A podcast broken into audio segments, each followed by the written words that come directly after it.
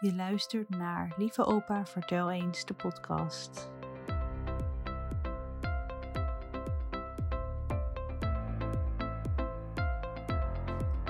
Allereerst wil ik mezelf graag even voorstellen. Ik ben Simone, maar deze podcast gaat niet over mij. In deze podcast staan de verhalen van mijn opa centraal. Ik heb namelijk een hele leuke opa. Hij is inmiddels 93 jaar en zit vol met fantastische verhalen. Deze verhalen vertelde hij altijd al aan ons. Maar nu leek het me leuk dat jij, de luisteraar, daar ook van kunt genieten. Ik ga nu dus geregeld bij hem langs om deze verhalen samen op te nemen. We proberen dit in chronologische volgorde te doen, maar in zijn enthousiasme lukt dat niet altijd. In deze tweede aflevering hebben we het over de Tweede Wereldoorlog en hoe mijn opa dit heeft beleefd. De verhalen die mijn opa in deze aflevering vertelt, spelen zich af tussen ongeveer 1940 en 1945. Dus, lieve opa, vertel eens over hoe u de Tweede Wereldoorlog heeft beleefd. Nou, het kruisverhoor gaat door. Je had het over onbezorgde jeugd. Nou Ja. heb ik, echt- nee, hoef ik niet te klagen over mijn jeugd. Maar helemaal onbezorgd is het natuurlijk niet geweest. Want vooral in die oorlogsjaren, dat zijn toch eh, moeilijke jaren geweest. Ja, O- Ik, onder andere begon ik weer in bed te plassen. En dat Oh, ja. kwam vermoedelijk door de voeding die we kregen. De jaren eigenlijk tot, tot de oorlog natuurlijk vrij onbezorgd. En daarna eh, zijn natuurlijk eh, wel wat meer. eh, Ja, want inderdaad, toen waren de, mijn halfbroer en halfzus ook nog in het gezin. En die bracht ook een deel van het inkomen in. Dus eh, ja, later kregen ze steun. Eh, Ja. wat nu bijstand is, of eh, hoe heet dat? Eh, ja, een uitkering. Ik weet nog heel goed eh, wat ik dan. eh, ik kreeg een soort, een soort kousen. En dan kon iedereen dan zien dat het eh, van een steuntrekker was. Wij konden goedkope margarine konden we halen in de Borgerstraat. Kwamen met z'n- kwamen met zo'n doos thuis met verschillende pakjes margarine. Dat waren dus wel dingen die. eh, dat was in de oorlog. Ging ik naar de eetzaal. Ik, en toen zat ik al op de Muurlo. En eh, mijn moeder was, had met de hoofdbroeder afgesproken dat ik dan 's middags om 12 uur daar naartoe kon. Dan kreeg u daar te eten. Dan kregen we daar te eten en dan trof ik mijn broertjes ook weer. Dat was niet zo be- onbezorgd. En de vorige keer vertelde u natuurlijk dat eh, u op de burgerschool zat toen de oorlog begon. Of toen, de, toen het. eh, de- eh, dreigde. nou, nee, want daar ja. had u die manke, manke leraar die Ja. vertelde over. eh, Nee, want dat was in 39 dat de oorlog in september begon. De vorige keer vertelde u dus over die, over die manke leraar die dan vertelde Ja. over de dreigende oorlog en eh, hoe, Ja. dat, eh, hoe dat in elkaar Ja. zat. Ja. En was dat ook dat u voor het eerst op die manier hoorde van, dat de oorlog dreigde? Ja, ja, ja, ja. En was er voor de rest in, in de stad eh, of in het land iets te merken al? Ja, was een algemene mobilisatie. Een oom van me, die was, die zal dus eh, dik in de 40 geweest zijn. Die eh, werd opgeroepen en die was in dienst. Dus die, eh, ja, was mobilisatie heette dat. En er waren een heleboel mensen die opgeroepen werden. die op wacht stonden en posten betrokken. Want eh, ze wisten niet of de Duitsers zich aan hun woord zouden houden. Of dat eh, ons land was neutraal. Hè? De week dacht ik weer aan het liedje dat er was. Blonde Mientje heeft een hart van prikkeldraad. Wees maar thuis, prikkeldraad. Alle jongens maken haar het hoofdsterk. Oh, de rest neutraliteit. Dat werd ook echt gezongen. Het werd ook wel gezongen, vooral door soldaten. In 1939, toen die oorlog begon, heeft de regering de algemene mobilisatie afgekondigd. Weerbaarheid verhogen hè, van het land uh, tegen indringers. Want er waren incidenten geweest in, uh, aan de grens wilde strikt neutraal zijn. Hè? Want wat de Duitsers wel konden, nog door Limburg heen uh, om uh, die, die, die vestingwerken die er waren gebouwd als herinnering aan de Eerste Wereldoorlog. De Fransen hadden een hele linie van bunkers richting Duitsland ook. Maar die Duitsers zijn er helemaal omheen gegaan later. Ja, er is wel zwaar gevochten wel om ook dat gebied natuurlijk uh, bezet te krijgen. Er was op een gegeven moment waren er twee plannen, dat wisten ze kennelijk. Ja, je hebt spionage? Dus ze wisten dat er twee plannen waren, geloof ik. Wel door Nederland of niet door Nederland. Maar door Nederland dan zouden ze sneller uh, door, om die uh, vestingwerken allemaal kunnen. En weet u nog goed wat de eerste uh, aanraking voor u was met de oorlog? 1940, 10 mei. Maar was dat een gebeurtenis? Of, uh... Nee, we hoorden uh, geluiden die we helemaal niet herkenden. En mijn broer, dus de halfbroer, en ik, die gingen de straat op, want we dachten dat er iemand met planken aan het uitladen was. Weet je wel, die dan met een klap ergens op konden. En toen bleek dus dat er, uh, maar ook op de radio begonnen ook allemaal berichten te komen van uh, parachutisten die midden in het land uh, waren geland, Duitsers. Parachutisten geland bij strijden. want het was op radio ging het meteen op een ander programma over. Alle programma's werden anders. Je wist toen dat je in oorlog was. Een van die dagen is er een Duits toestel, een vliegtuig boven Amsterdam neergeschoten. Die is op uh, de Blauwburgval terechtgekomen. Hè. Daar, het huis was bijna in puin. Behoorlijk beschadigd. Ja, je ziet het aan de gevel. Is er nog een waar, wat ik weet waar dat huis staat. Blauwburgwal was dat. Dus ja, toen wisten we dat het oorlog was. En dan het afweergeschut, hè. Dan Pang, hoorde je er dan weer. Ja, en dan zag je zo'n wolkje ontstaan. Of voor een vliegtuig. Dan dacht je, oh, oh, oh, dat gaat mis. Nou, dat is toen met het Duitse vliegtuig, is dat inderdaad voor de Duitsers, is dat misgegaan. En uh, aan de overkant van Dij, daar stond de hele boel in brand alles wat daar van waarde was voor een bezetter, dat stond al in brand. Ja, dat was uh, heftig toen. Twaalf jaar. Ja. Maakte toch wel heel veel indruk. Nou, zeker nog zo jong bent, fijne, fijne tijden hebt gehad, is dat natuurlijk wel ineens uh, heel anders. Ja, maar dat drong nog niet tot je door. Nee, want in het begin waren de Duitsers poes lief hoor. Want wij waren ook een Arisch land in hun uh, beleving ook eh, de verbondenheid door de taal, hè, die we van dezelfde stam. Ze dachten, nou, het allemaal rustig laten gaan. Komt Nederland misschien wel ook uh, bij het Groot-Duitse Rijk. Ja, want in het begin toen de Duitsers binnenkwamen, 14 mei, op de verjaardag van oma, toen wist ik toen nog niet, heeft uh, Nederland gecapituleerd.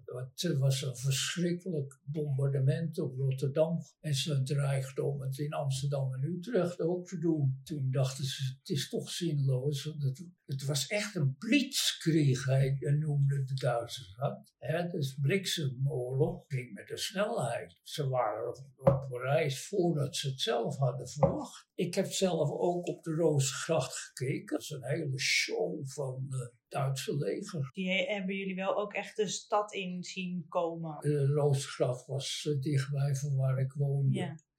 Dus ik wist dat dat gebeurde en ik ging er als jongen naartoe. En dan stonden er mensen allemaal langs de kant ja, stonden te kijken. mensen langs bij de Amstelbrug zijn er ook mensen om meteen uh, zo gestaan te hebben, weet je wel. Ik heb het niet gezien. Materieel ook dat ze mee hadden en zo. Dat is geweldig. Je kon wel zien dat ze jarenlang zich voorbereid hadden op die oorlog. En veranderde er eigenlijk toen de oorlog begon ook meteen iets in uw persoonlijke omgeving? Nee, dat begon pas eigenlijk toen die razzia's begonnen. Toen mocht het Vondelpark niet eens in, Joden. Ook uh, alle parken, theaters. Dus met dit soort bordjes uh, uh, voor Joden verboden ja. begon het eigenlijk? Ik denk dat het in 42 begonnen is. Dus eigenlijk tot die tijd? Was het redelijk rustig. Er waren al mensen die in het verzet waren gegaan. Ja, dat wist ik niet hoor, maar ja. dat uh, achteraf is dat uh, uitgekomen. De mensen die meteen hebben gezegd, ja, maar dit nemen we niet. Ja. Als je homo was, kon je ook naar een concentratiekamp gestuurd worden. Ja. Want daar hadden ze dan een roze driehoek hadden ze op hun uh, pyjama. Zigeuner. Sinti? Ja, en hoe heette die andere groep? Roma, ja, de Roma, Roma en de Sinti. Ja, die zijn ook allemaal opgepakt. Je moest Ariër zijn. Het goede bloed. Bloed Boden heette die theorie ook. Op een Duitse filosoof die het over supermensen had en zo, weet je wel. In Duitsland was het superras. Vrouwen kregen uh, extra toelagen als ze kinderen maakten.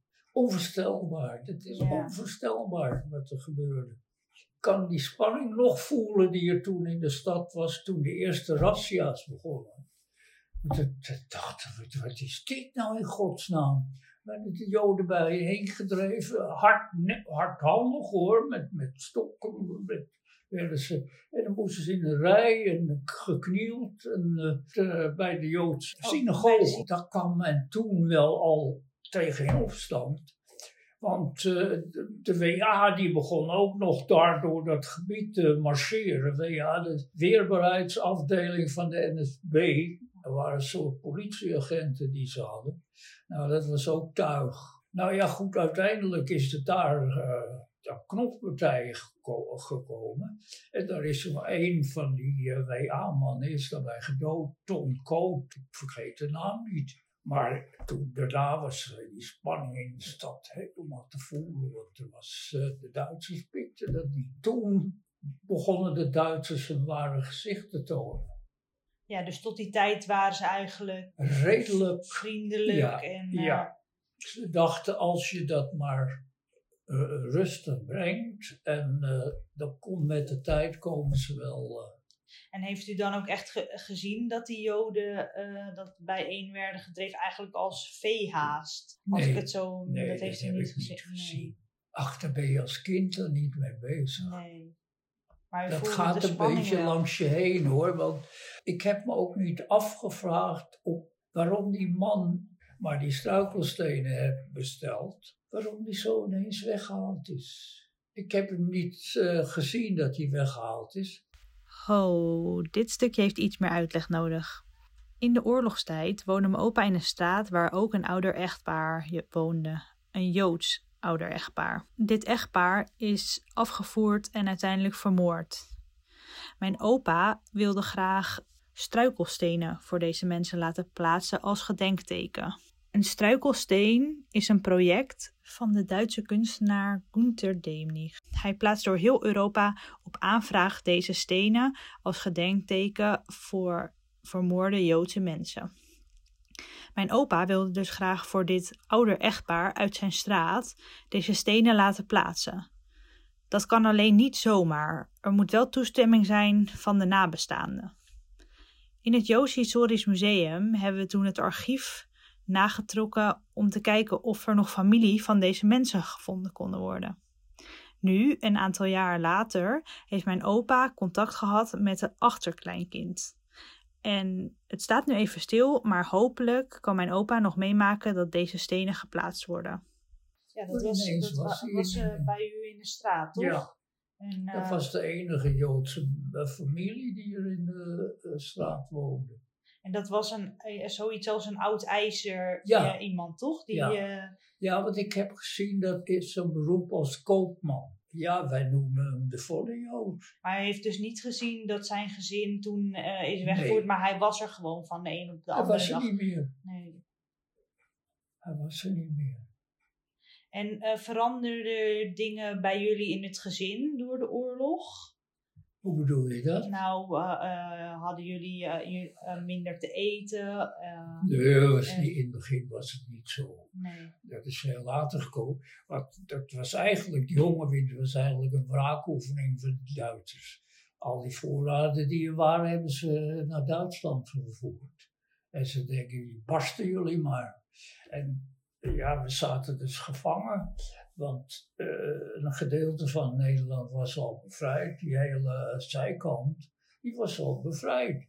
Wij zaten daar. Uh, Friesland, daar kon je dus uh, wel naartoe natuurlijk. En met de Lemmerboot werden er verschillende dingen ook wel opgehaald hoor, door mensen. voedsel en zo, dat was ook in, vooral in het begin maar later, ja, op een gegeven moment was het, waren strenge winters, was, was de, het IJsselmeer helemaal bevroren. En toen gingen ze met auto's over het ijs. Ja, het is een hele wonderlijke tijd geweest. En kreeg u dingen mee van het, uh, van het verzet of zo? Of kreeg u daar iets van mee? Nee, nee helemaal niet. Ja, nou, in, uh, wanneer was het? dat was nog in 45 volgens mij. Want toen was ik bij de voetbal, voetbalclub. En de secretaris van de voetbalclub, die bleek in verzet gezeten te hebben. En die is gefusilleerd op uh, de Weterik Schans. Op een ochtend, ik kan zijn bitprintje kan ik nog laten zien. En ik weet niet of het daarop staat of, het of hij in verzet is. Maar die wist daar gefusilleerd omdat hij ook in verzet zat. Ja, en uh, de vader van een goede vriend van me, die uh, werkte op bevolkingsregister, was hij ambtenaar en daar, die zat thuis. Ik wist niet precies wat hij deed, maar ik wist dat er iets was, dat hij iets deed wat hij mocht. Die vervalt persoonsbewijzen heette dat. zodat er bijvoorbeeld een Jood, die had op zijn persoonsbewijs zo'n grote J. Dus dat, als je gepakt werd, dan moest je identificeren. En, ja, goed, ik wist dat je Jood was. Dus dat soort dingen. En verzetstrijders die een andere naam hadden gekregen, die, daar zorgden die voor dat daar ook. Uh, ja, die hebben ze dus kennelijk ook uh, op een gegeven moment doorgekregen dat hij erbij hoorde bij die verzetsgroep. Die is ook gefuseerd, die vlucht. Ja, toen hebben we met z'n tweeën huilend over de gracht. ik zag hem huilen en toen moest ik ook huilen. Eh, ik was eh, wel 16 jaar en dat, dat schaam je jongen dat je uh, huilt, maar dat, dat deed ik toen niet. Ja, de, oorlog was een heel bijzondere tijd. Heb ik ooit verteld dat bij hem, hij woonde op de Looijesgracht en ik in de Oude Looijesstraat. Dan gingen we naar boven als er uh, afweergeschut gebruikt was. Want die granaten die sprongen uit elkaar, maar dan kwamen dus gedeeltes kwamen naar beneden. En dan gingen wij, uh, hoe heet het, uh, granaatscherven gingen we zoeken. Want hij had een plat dak en er lagen altijd wel granaatscherven als we... en ook hele verwrongen stukken metaal. Dat, ja. dat deden we dan ook. Dat is heel vreemd. Hij had een apparaatje gemaakt. Toen konden we luisteren naar Radio Oranje hè, in, in oh. Londen. En dat was ook verboden natuurlijk. Ja, dus dan, uh, dan luisteren jullie, jullie daar stiekem naar? Ja, want uh, ik ben ook wel eens geweest bij uh, Henk de Hoge. Dat was de man van mijn halfzuster. En toen hebben we, die had nog wat radiotoestellen, moesten allemaal ingeleverd oh worden. Er zijn mensen die allerlei dingen begraven hebben ergens in een tuin, eh, als ze een tuin hadden. Er werden een heleboel dingen werden zwaar verpakt. In een tuin werden ze begraven, dat ze dan na de oorlog die dingen weer konden terugvinden. Als je dan, uh, dan verborg je je radiotoestel. En dan kon je het tevoorschijn halen als je naar Radio Oranje wilde luisteren. Dan kreeg je dus meer pepberichten uit uh, Londen. Ja, om op te peppen. Ja, dan kreeg je berichten zoals uh, echt wel tegenberichten. Hè? Het, uh, de Duitsers, op een gegeven moment was er ook. Ta -ta -ta op de radio, de Duitsers. Dat is het begin van de vijfde symfonie van Beethoven. Ja. En dat was Duitsland. Duitsland vecht voor heel Europa of zo. En dan, volgde er hoeveel bruto registerton er getorpedeerd was bij de geallieerden. En ik weet niet of Radio Oranje dan bericht gaf dat, dat het cijfer misschien wel wat hoog was. Ja, en dan is toch ook het verhaal dat, dat u van uw moeder nog een korte broek aan moest. Want hoe zat dat ook weer precies? In plaats van de oorlog werden er veel razzia's gehouden. En voor werkkrachten in Duitsland. Tegenover mij woonde een jongen, die was een jaar ouder dan ik. Die is opgepakt, nooit meer teruggekomen. Mijn moeder, die dacht, ja, die is 17-jarige jongen. Maar ik zag er jonger uit. En daar heeft ze gebruik van gemaakt. Ze zei, ah, ja, ja, ja, ja, jij houdt een korte broek aan. En uh, ja, maar ik wil een lange broek. Ja. Je bent een uh, krul en je begint een beetje te voelen dat je wat anders bent dan een meisje of zo. Dus, en dan wilde ik wel, nou zegt ze, ik beloof je dat jij als de oorlog voorbij is meteen een lange broek krijgt. Nou, het is absoluut een heel wijs besluit geweest van me. Anders was ik misschien ook. Maar ik zag er uh, jong uit hoor, dus uh, ik denk dat ze me als 14-jarige zagen of zo. Dus uh, wat dat dan gaat, was dat een voordeel. En uh, uw halfbroer, die uh, hoefde niet. Uh... Nou, die had een functie in het distributiekantoor.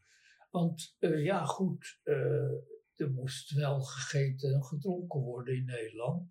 En er was een bonnenstelsel waarmee je dus goederen kon kopen. Want op de radio werd dan bekendgemaakt welke nummers met welke letters couponnetjes bruikbaar waren voor suiker en voor uh, diverse producten.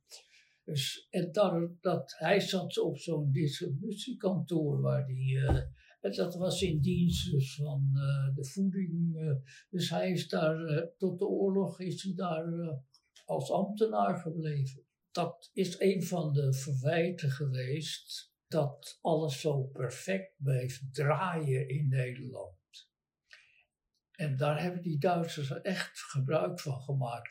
Want zoals een bevolkingsregister, dat zat heel geweldig in elkaar. Precies alles wisten ze. Er is ook een overval geweest, hè, gewapende overval.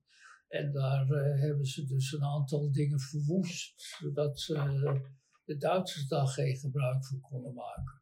Maar ook de ambtenaren waren veel te coulant. Die bleven gewoon hun werk zo doen zonder stiekem te, te saboteren. Er waren dus zoals die uh, vaders van die vriend van. Ja, de meerderheid die uh, deed braaf zijn werk en vulde alles keurig netjes in, zodat de Duitsers precies wisten wat er, waar ze terecht konden. Misschien ook uit angst. Nee, eh, een soort Nederlands plichtsbesef. Ja. En um, uw vader kon die gewoon nog uh, zijn werk uh, ja, uh, blijven ja, doen? Ja, ja. Ja, dat kon. hij was koster en zoals ik je heb laten zien, begrafenisondernemer. Ik weet wel dat ze ook een uitkering hadden volgens mij, omdat het inkomen niet hoog genoeg was. Dat weet ik niet, hè, want ja, daar, als kind uh, kom je daar toch niet achter. En het bleek ook, want er was verschillende zaken die zijn overgenomen door verwalters. Hè. Dat waren Joodse zaken die bleef voortbestaan en dan werd er een Duitser aangesteld om daar leiding verder aan te geven. En er was een bedrijf geweest, op Wetering Schans, waar mijn vader iets gekocht had en wat hij al betaald had. Hij kreeg daar een tweede rekening voor van die verwalters. Maar ik weet wel dat hij zich verschrikkelijk boos maakte. Dat kon mijn vader wel, kon wel eens goed boos worden. Maar ja, hij was machteloos. Een advocaat kon hij natuurlijk niet nemen. Daar was, had hij geen geld voor. En ik weet niet of ze toen al toevoegingen hadden of zo. Maar in ieder geval was het zo dat hij moest dat toch weer betalen. Ja, dus hij heeft dat... Twee keer. Ja. Nou, dat is grappig, want uh, mijn moeder begon, hier, begon hierover. Zij zei, ja, je moet uh, aan opa vragen wat dat verhaal was. Dat er iets twee keer was, was oh, afbetaald. Oh, dus ik heb het haar ook wel eens... Ja, toen zei ze, eigenlijk heeft het nog invloed op mijn leven. Want ik weet dat ik altijd een bewijs moet vragen als ik iets betaald heb. Dus zo zie je maar hoe, uh, hoe dat dan uh, ja. iets van zo lang geleden doortrekt. Zij in wel, de, ja, zij lijkt in, in dat opzicht heel erg op mij. Ja. Maar dat heeft ook weer invloed eigenlijk op mij. Ja. Want altijd als ik bijvoorbeeld mijn zorgverzekering of zo, als ik daar een rekening van krijg en ik moet het betalen en ik heb het betaald, dan schrijf ik ook altijd op betaald en met de datum erbij of een bewijsje of iets, zodat... Uh, ja, en die heb ik op enveloppen. Januari, februari, maart en zo. En dan, Ja. eh, en dan na vijf jaar, dan, eh, hup, dan gaat de boel Ja. eh, daar weer. Maar grappig, dus mijn moeder begon erover ze- van Oh, dat ja. verhaal dat iets twee keer afbetaald moest worden. dat is ook een zonder- soort opvoeding. Ja, zonder bewijsje. Ja. En er is eh, eh, een verhaal over toen er wel minder eten was, dat, eh, dat er vlees op zolder hing. Ja, dat had mijn moeder ontdekt. Mijn moeder had ontdekt, de benedenverdieping, dat was het woongedeelte. En er waren twee kamers met een halletje. Daar sliepen aan de ene kant de meisjes en aan de andere kant de jongens. Zij is dus wel eens daar geweest om schoon te maken of zo. Ze wist dat, hij, dat die benedenburen, dat was de eigenaar van de woning. Dat had ze gemerkt dat die wel eh, spullen hadden. Dus is dan stiekem een keer naar binnen gegaan. En toen zag ze daar vlees liggen en zo. Wat, wat ook wel raar was natuurlijk, want vlees hoor je gekoeld te bewaren. Maar dat was het toen nog niet. En dat ze wel een gedeelte heeft eh, meegenomen. Ik denk dat, niet dat ze het eh, veel keer even hebben gedaan, anders eh, zou het gemerkt worden. Ja, dat is gebeurd. En dat ze. Ja, dat ze en ze had er gewetensbezwaren van. Was vroeger ging je biechten. hè. En toen eh, had die, die pater gezegd, u bent een goede moeder. U hoeft niet bang te zijn voordat u daar voor op de mat moet komen.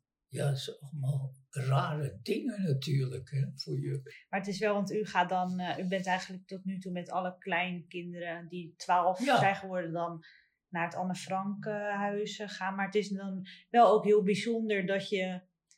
Je hebt dan natuurlijk wel daar ook al wat over geleerd op school. Maar dat je op dat moment samen met je opa daar naartoe gaat, die het ook zelf heeft meegemaakt. Ehm, Ja, ik vond dat ik dat moest doen. ja, en dat je dan toch daar ook over kan praten samen. En dat, Ja, u, ja. en dat u ook, want En dat je gezien hebt waar het- dat kind heeft gezeten. ja, ja, En hoe, hoe stil ze moesten zijn overdag. Want er werd gewoon gewerkt beneden. ja. Ja, ik weet nog wel dat ik dat zelf wel heel eh, indrukwekkend vond eh, Ja, ja, om te zien. Maar u heeft tijdens de oorlog dus ook in de hongerwinter ook zo'n tocht gemaakt, toch? Ja, Dat u uit... eh, ja, ja, op een gegeven moment zeiden ze, ja, er zijn zoveel mensen die zo trekken. Jan Terlouw heeft een boek erover geschreven, Oorlogswinter heet het. Rijen mensen die dan naar, eh, naar het noorden van eh, Noord-Holland liepen, om te- bij boeren te scharrelen over, en vaak met tafelzilver en zo, weet je wel. Om eh, dit eh, hier, eh, geen bijmanvoedsel. Maar wij hadden niks bij ons. dan, met wie deed u dat dan samen? Nou, ik was met Joep, Joep Heren, dat is een neef van me, volle neef was dat. En die werkte bij de, de scheepswerf. Dat was hij lasser. Twee soorten laswerk kon hij leveren. Dus in plaats dat hij naar Duitsland eh, moest, heeft hij eh, die tijd in Nederland ge- eh, gebracht en voor Duitsers heeft gewerkt eigenlijk. Die ging met mij samen met een pan met erwtensoep. Gingen wij op stap en dan zijn we dus richting Hoorn gegaan. Ja, dus uh, vanaf Amsterdam helemaal naar Horen uh, gelopen. Ja, maar niet in één ruk, want uh, we zijn in Oosthuis hebben we overnacht. dat is ten noorden van de Beemster, hè? want ja. door de Beemster zijn we gerend, maar die was, stond half onder water. Hè? En hebben we kousen en schoenen uitgedaan. En het was wel koud. We hadden een handdoek ook, we hadden wel wat toiletspullen bij ons natuurlijk. En toen konden we onze voeten weer drogen of onze schoenen weer aantrekken. Nou denk ik achteraf, misschien heeft dat invloed gehad op het gezwel wat ik, ik had zo'n gezwel toen ik terugkwam oh, op me. Sneed het zo open met de mesje. Er kwam pus uit. Want ik, ik heb... Van het lopen gewoon? Of, uh, nou, ik weet niet wat er gebeurd is, maar ik heb een infectie opgelopen dus. We zijn de eerste dag tot Oosthuizen gekomen. En dat was een patronaat. En dat patronaat is een gebouw waar de jeugd uh, kon komen om uh, dingen op te spelen of zo, weet je wel. Dus dat was een grote zolder. En daar sliepen we. Uh, ik denk dat een man of dertig of zo daar, misschien ook wel meer. Maar wist u, dat, wist u van tevoren dat jullie daar konden slapen? Of jullie zijn gewoon gaan zijn lopen? Weggegaan. Ja op de Bonnevoor. Nou, de volgende dag zijn we dus naar Blokker gegaan. Hans woont er nu, mijn broer. Ja. Die heeft ook in de oorlog heeft hij daar gezeten. Daar zijn we langs allerlei boeren gegaan en het wilde niet lukken. Het wilde niet lukken. En, en wat zeiden ze dan als u daar aankwam? Nou, we hebben niks. Nee, glashard hoor. En er, er zijn er ook geweest die uh, eist ook uh, van als je tafelzilver hebt is prima. Of uh, waardevolle artikelen, daar, daar geef ik wel voedsel voor. Er waren goede en slechte boeren. Op een gegeven moment werd ik zo moedeloos. Het was weer een boer die zei van, ja, sorry hoor, maar ik heb niks. En toen ben ik beginnen te janken. Kennelijk heeft dat... hij zei, nou, hij zei, wacht even. Ik zal eens kijken wat ik nog heb. En toen kwam uh, een hele kar met pootaardappelen. Dus aardappeltjes die worden gebruikt om uh, in, de, in de grond te stoppen om later grote nieuwe aardappelen, ja. Ja, nog een paar dingetjes. Dus wij voelden ons de koning te rijk. Toen zijn we dus teruggegaan. Hebben weer in Oosthuizen geslapen. Maar ik sliep heel slecht, want ik dacht, ja, goddomen, die kar staat wel buiten.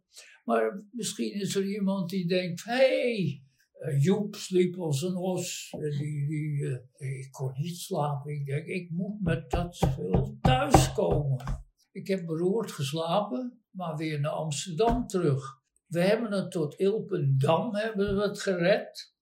Dan hebben we weer bij een boer geslapen.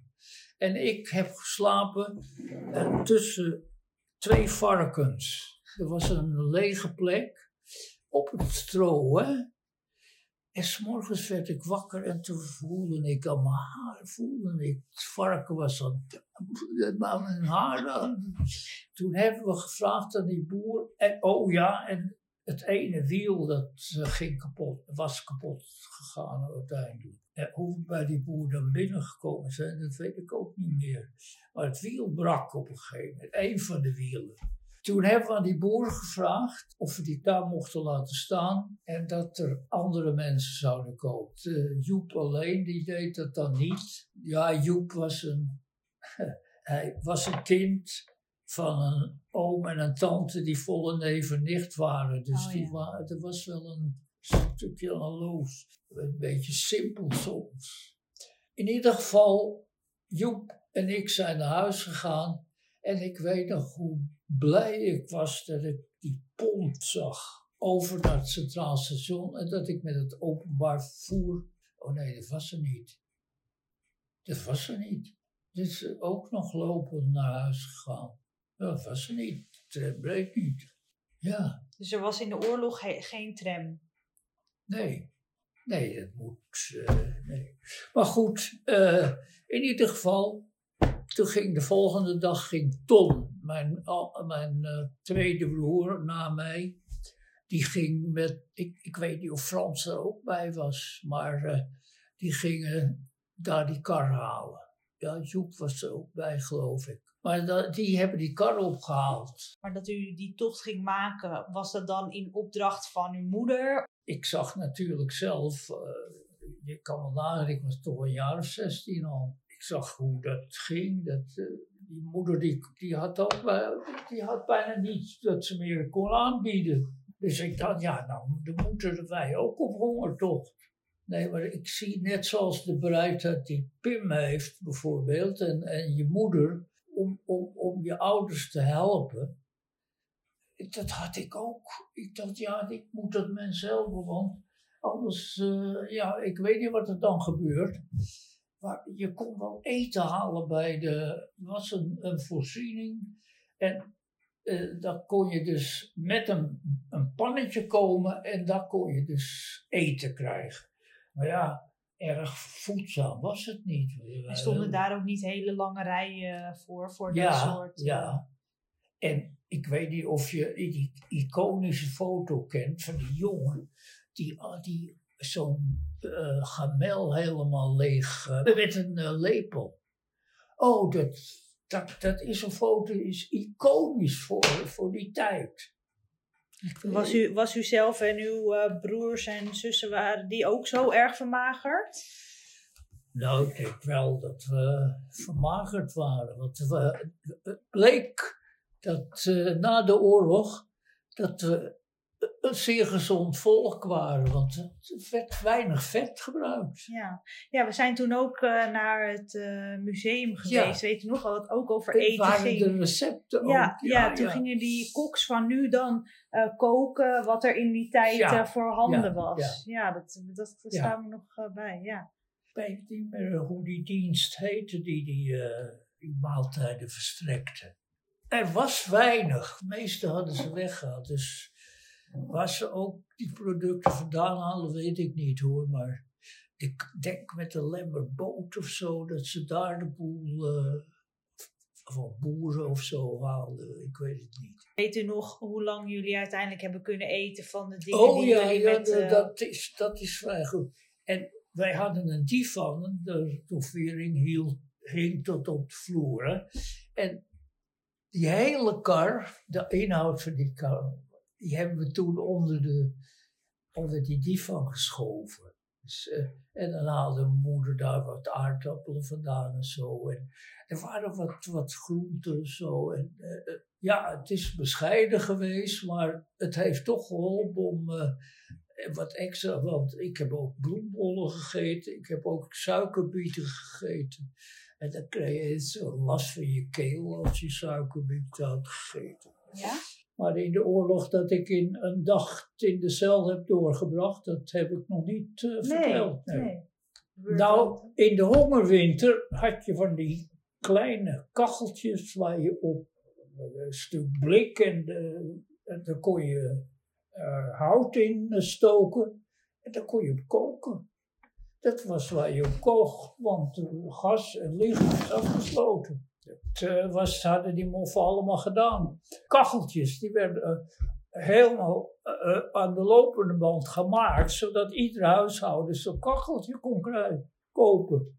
Daar is brandstof voor nodig. Dat hadden wij ook niet. Kolen en zo niet beschikbaar. Dus wat gingen we doen? We gingen kijken waar we wel hout konden pikken. Amsterdamse tram die had vroeger van die blokjes, uh, dat was uh, tropenhout, goed hout. Daartussen dus werden ze allemaal aan elkaar door teer. Dus ook het blokje plus de teer, dat fikte heel goed.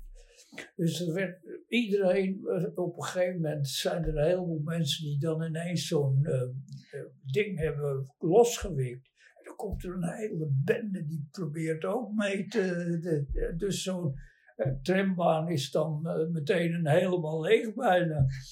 En uh, er zijn mensen dus die met de zaag komen. En ik ben een keer met een zaag gekomen. Want bomen werden ook omgezaagd. Dat lukte niet, want er was een politieagent die. Halt!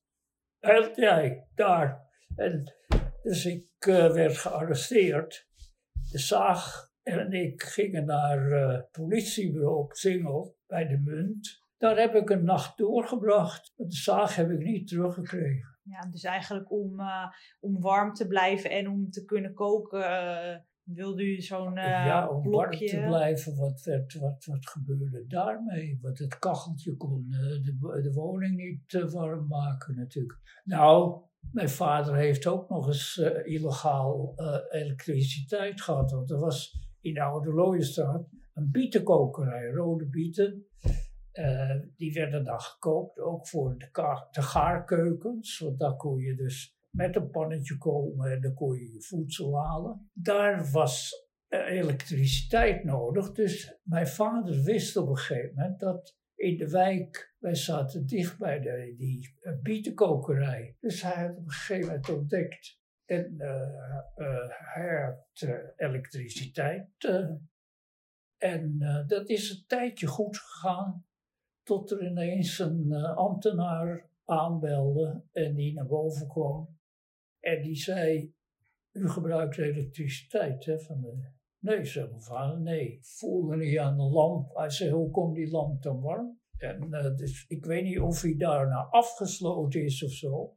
Dat kan natuurlijk, want uh, je kan ook afgesloten worden als je uh, achterstand hebt. Hè? Ja, dat was illegale elektriciteit. Ja, maar daar is hij, heeft hij geen uh, straf voor gekregen nee, of iets. Nee. Gewoon meer een waarschuwing of zo. Van, um, ja, ja nou, als hij het weer zouden gedaan hebben, als hij erin zou slagen om de aansluiting weer tot stand te brengen, en ze hem dan ontdekten, dan zou hij wel meegenomen worden, denk ik. Ja. Maar ja, ze zagen wel dat het een groot gezin was, dus uh, dat hebben ze toen maar Beetje zo. door de vingers. ja. ja.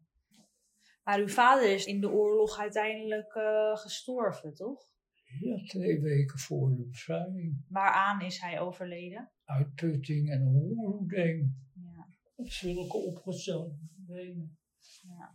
Hij was helemaal kapot. Want hij, hij heeft blijven werken. Op laatst werd hij met een rolstoel door mijn, door mijn halfbroer naar de begrafenis uh, gebracht, waar hij dan uh, ook nog wel een functie had, dan weer zoals, maar ik weet niet of hij kisten droeg dan nog, maar uh, het is vreselijk. Ja, dus hij echt aan uitputting eigenlijk uh, overleden. Ja. ja, en de man die die begrafenis, die kon hij keurig verzorgen, is zelf op een bakfiets in een kartonnen doos weggereden. Vreselijk. Dus hij verzorgt eigenlijk uh, de beste begrafenissen, zeg maar, voor zelf, anderen. Ja, en ja. zelf is hij in een kartonnen doos. Ja, dat is wel heel Maar hij vertelde ook hè, dat al die slachtoffers van hongerroede, die lagen in rijen in de kerk in Amsterdam, hè, de, bij de Dam. Dus zeker op het laatste had hij het eigenlijk heel druk met zijn werk. En was hij zelf ook al zo zwak. Ja, ja hij is door, daardoor helemaal uitgeput geraakt. En, eh, ja, hij kreeg niet het eten waardoor hij uh, fit kon blijven natuurlijk. Want anders denk ik dat hij ook knap oud zou zijn geworden. Want hoe Want- oud was hij toen hij overleed, weet u? Dat moet ik altijd weer terugrekenen. Hij is ge- 1881 was hij geboren, 64. Dat was sterk genoeg hoor, want ik denk dat die eh, oom Anton, dat was zijn oudere broer, die is eh, in de 80 geworden nog. Dan denk ik, dan had hij kunnen zien wat er toch nog voor mij gekomen was, omdat hij vond dat ik eigenlijk maar aan het werk moest gaan. Terwijl mijn moeder zei van, laat hem nou even doorleren en zo, weet je wel. Dus ik, volgens mij hebben ze er geen ruzie om gemaakt, maar dat ze toch heeft volgehouden, nee, die jongen gaat uh, doorleren. Ik had een driejarige Mulo, want de Mulo was meestal vierjarig. Maar deze broeders, die hadden zo'n goed systeem. Je kon in drie jaar een goed volwassen MULO-diploma halen. Dus daarom was ik in 42 was ik ook uh, klaar. Want ik werd nog apart geroepen. Ja, ik, met dat jonge smoeltje. Ze dachten natuurlijk, wat kereltje dat toch uh, de MULO heeft gehaald. Dus, ja, ja, ik, het MULO-examen, toen zat ik, uh, ik was zo zenuwachtig, ik zat aan het verkeerde tafeltje eerst. Maar je had de volgorde, maar, begon ik half te huilen. Oh, ja, ja, wacht, kalm maar, je moet daar zijn of zo. zo ik was zo zenuwachtig. en waar bestond dat examen dan, dan uit? Nou, dan zat je aan een tafel, dat mondeling examen. Ah. Je had een schriftelijk examen, dat was een week of twee tevoren. En dat was zo goed geweest. De cijfers, dat, die had ik gehoord. Dus wat dat er gaat, kon ik een beetje met vertrouwen naar. Uh, ik weet nog dat ik uh, de straat binnenkwam. En dat mijn moeder wist ongeveer hoe laat ik zou komen. Dat ik al met dat uh, diploma zwaaide, weet je wel. Maar, dat, maar u heeft dus wel die, dat diploma gehaald eigenlijk al in, in oorlogstijd. Ja, 1942, ja. ja. Maar dus ja. De, uh, ging toch eigenlijk, uh, ja. het gewone leven ging dus uh, in die zin voor u gezien Ja, alles ging gewoon door, door, ja. ja hoor. Ja, de bakker bakte ze brood, de, de slager sneed ze vlees. Ja. Maar ja, goed, die bedrijven die uh, hulp verlenen, de Duitsers, daar moest je dus niet gaan werken, want dan was je collaborateur. Daar zijn er ook mensen voor uh, berecht. En hoe was het dan eh, voor uw moeder dat, dat uw vader uh, overleed? Och, ik weet nog hoe ze dat. Mijn vader was gestorven, het was zo koud. Toen ze wakker werd naast hem, dat ze ineens thuis had, papa is dood en zo. Weet je, dat ze uh, heeft gerend naar de, de Krijtberg om. Uh, ze wilde uh, raad hebben, want ze wist niet wat ze moest doen op dat moment. Want er de, dat was de kerk en er waren dus priesters, die konden haar wel helpen dan. Ik denk dat, dat ze daarvan hulp gekregen heeft met de begrafenis ja, dus uh, hij is in zijn slaap eigenlijk. Uh, ja, uiteindelijk is hij ja. Maar hij begon ook op een gegeven moment uh, waandenkbeelden te hebben. Want dan riep hij Marie, wat zo heette mijn, mijn moeder. Hij zei: Er staat een man in de hal, geef hem wat te drinken. Er was niks aan de hand. Maar al, dat zo afgebeuld was hij eigenlijk. dat het is heel voor de hand liggend dat hij dood gegaan is. En hoe heeft u dat zelf ervaren toen uw vader overleed? Ja, het was vreselijk natuurlijk. Vreselijk. Voor mijn moeder is het veel erger geweest, denk ik. Maar ja, goed, ik miste hem wel natuurlijk. Ik, eh, ik, maar als kind rouw je anders dan als volwassene natuurlijk. Maar u had natuurlijk wel ook al uw vriend die ook zijn vader was, uh, was verloren. Had u daar dan steun aan? Nou, we zaten toen in hetzelfde schuitje. Ja, had u wel steun ook aan? Nou, daar hadden we het eigenlijk niet zo over. Trouwens, hij was homo, daar hebben we nooit over gepraat, maar ik wist dus dat hij homo was. Hij ging vaak naar de Kaag en ik denk dat daar een club van uh, jongens waren die ook uh, homo waren. Maar hij is op weg daar naartoe, is hij ook een keer aangereden door een dronken man en is toen overleden. Maar die zat ook in de vriendenclub hoor. Uh, ja, dat is ook weer iets van deze tijd, dat je daar wel over kunt praten. Nou goed, we hadden een aantal vrienden, daar hadden we vaak uh, reunies mee. Altijd uit de studietijd nog. En dan waren ze, ondertussen waren ze getrouwd. En, uh, zo lang hebben we dus toch uh, vriendschap onderhouden. Nu zijn die vrienden allemaal. Eén is er nog in leven en ik weet niet hoe het met hem is. Dat is de, de, de, de, de, de neef van oma waardoor ik oma oh, leren ja, kennen. Oh ja, dat had, uh, vorige keer stond hij ook op een foto. Ja, uh, ja. ja. ja. Ja, want oma heeft uh, de oorlog wel heel anders beleefd. Ja, ja, ja. Die heeft het betrekkelijk on, onbezorgd. Want waar zat hij ook alweer in de... Waar in die is... dat schijnt een vreselijke rit geweest te zijn, maar met tante Co maar die naam heb je misschien wel eens gehoord. was een, uh, een zuster van mijn uh, schoonmoeder.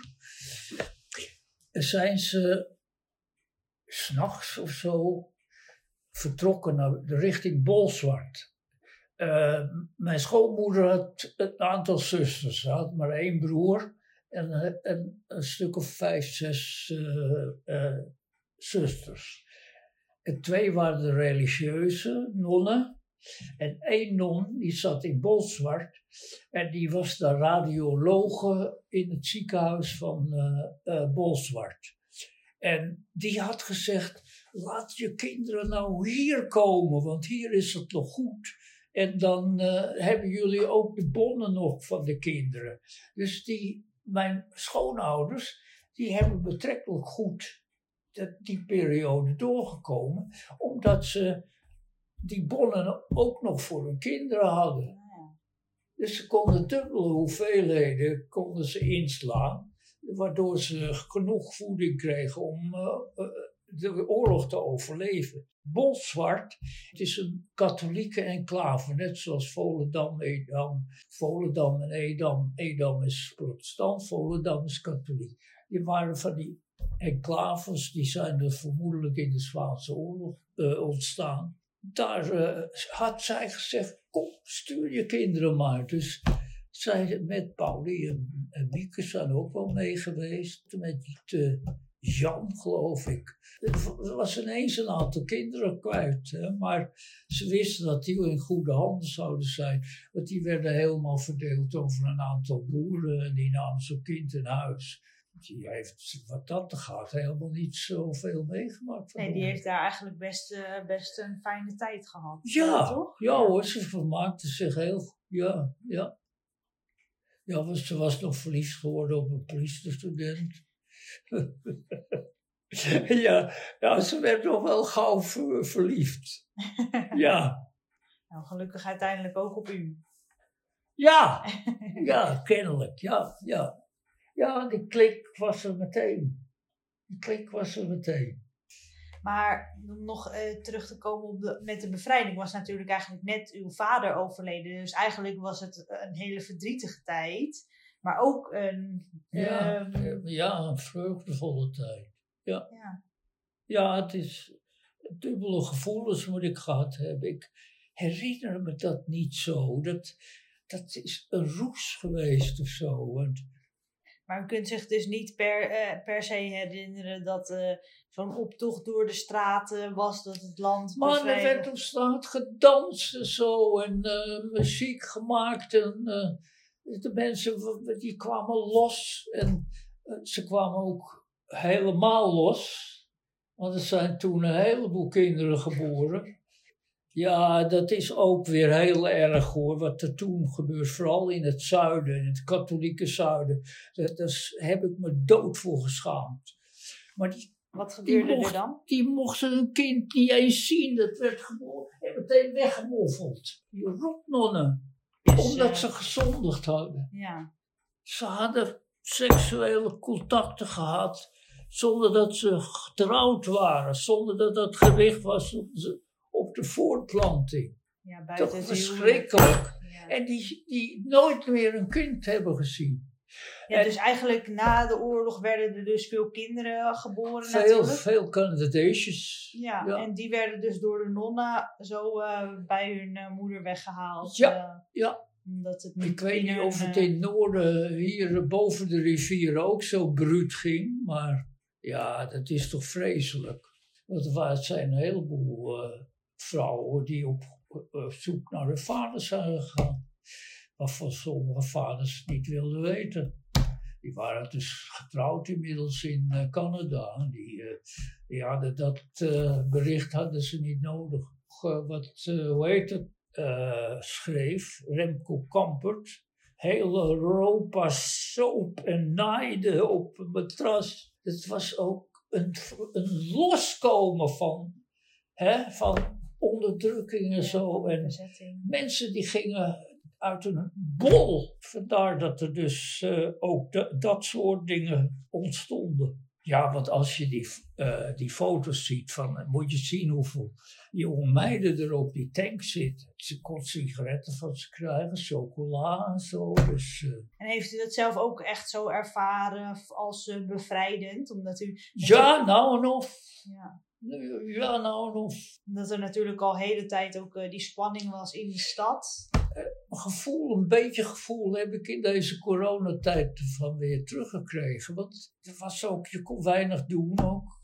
Eh, naar de bioscoop waren allemaal Duitse films. En uh, er waren wel een paar goede films schijnen er geweest te zijn. Maar daar ging je niet naartoe als uh, goede Nederlander. Er was er gewoon in die oorlogstijden vrij weinig te doen. En toen de bevrijding was het weer... Ja, je had alleen Duitse liedjes ook, hè. Ik ken er wel een paar nog. Dat gekke was, in die hongerwinter weet ik dat er wel nog uh, kwam er opeens jazz op de radio. Terwijl dat entartet was, hè, van, zoals, zoals de Duitsers dat noemen. Ontaarde kunst. Hè. Er werd kunst ook in de pan gedaan. Er waren de, slechte kunst, noemde Hitler dat en zo. Daar hoorde jazz ook bij, want dat was zo'n negen, ze waren geen Ariërs. Per, per, definitie voor hem al fout. Idioot die daar stond te brullen. Als je ooit een redenvoering, heb je wel eens een redenvoering? Ja, ja, was. Dan staat er toch een idioot te brullen. Die zullen ausradeerd worden. Over Joden had hij het. Alsof het luizen waren die je bestrijdt, of ratten. Schandalig. Bent u ooit in zo'n, uh, later natuurlijk in zo'n kamp uh, geweest? Ja, Dachau. Dachau. En Westerbork. Ja, dat, uh, die oorlog heeft natuurlijk een enorme stempel gezet op je leven. Ja. Dat, maar ik vind het wel altijd bijzonder dat u er wel ja, dat u er zo goed over kunt vertellen. Want er zijn ook mensen van uw leeftijd die daar eigenlijk veel helemaal... verschrikkelijke dingen uh, meegemaakt. Dus zo. Als je hele ernstige dingen hebt meegemaakt, dan schijn je toch dat voor, er niet over te willen vertellen, want dan komt het weer terug. Begrijp ik wel. Die willen daar niet over praten, want het zijn walgelijke tijden voor die mensen geweest. Ja, ja dus eigenlijk kunnen we er wel in ieder geval over zeggen dat het heeft natuurlijk een hele grote stempel op uw leven gedrukt. Ja. Uh, maar u bent eigenlijk wel redelijk goed de oorlogstijd ja, ook al zijn goed doorgekomen. Oh. ja, maar goed, wij waren Ariër. Ik ben uh, ondanks mijn leeftijd niet naar Duitsland gehoeven. Want daar zijn een aantal mensen niet van teruggekomen. Die jongen die een jaar ouder was, die tegenover me woonde, is nooit teruggekomen.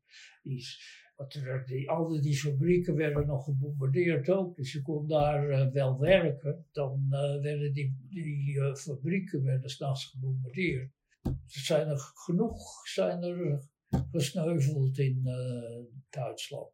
Die nooit meer teruggekomen zijn.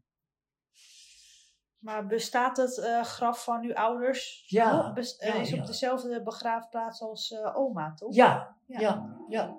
En daar liggen allebei uw ouders ja, begraven? dat is... de, hij heeft een nichtje begraven. Ik had er nooit van gehoord. Nichtje Dien, die woonde op het Begijnhof. Je kent het Begijnhof in Amsterdam. Ja. Dus, dat, dat, waren, daar woonden begijntjes. was een begijntje eigenlijk.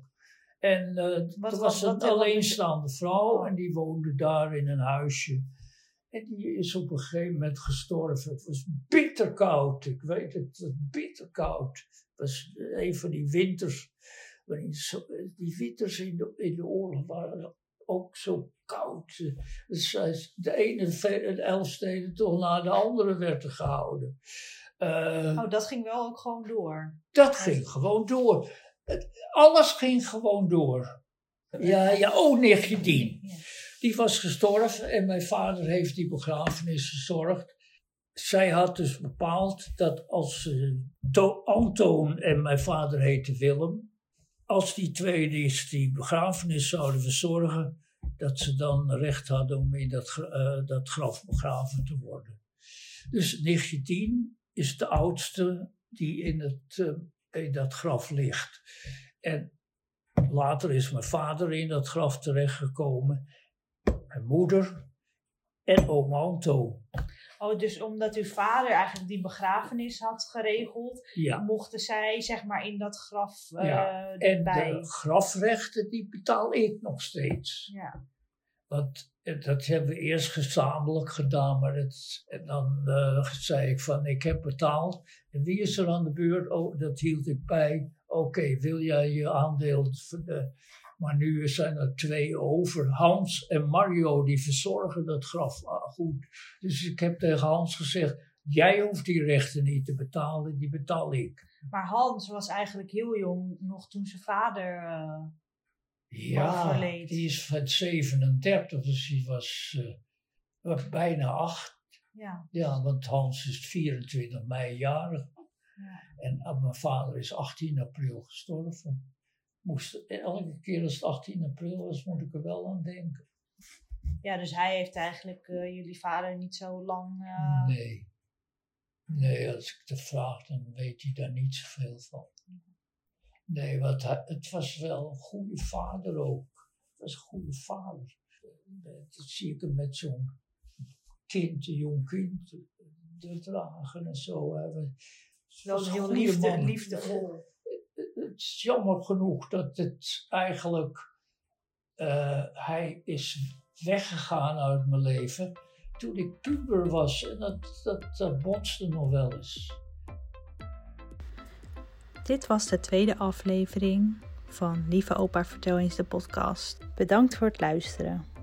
Voor meer informatie en foto's die bij de aflevering horen, kun je ons vinden op Instagram onder Lieve Opa Vertel eens. In de volgende aflevering zullen we het hebben over de naoorlogse jaren en wat mijn opa na de oorlog is gaan doen. Hopelijk luister je weer. Tot dan!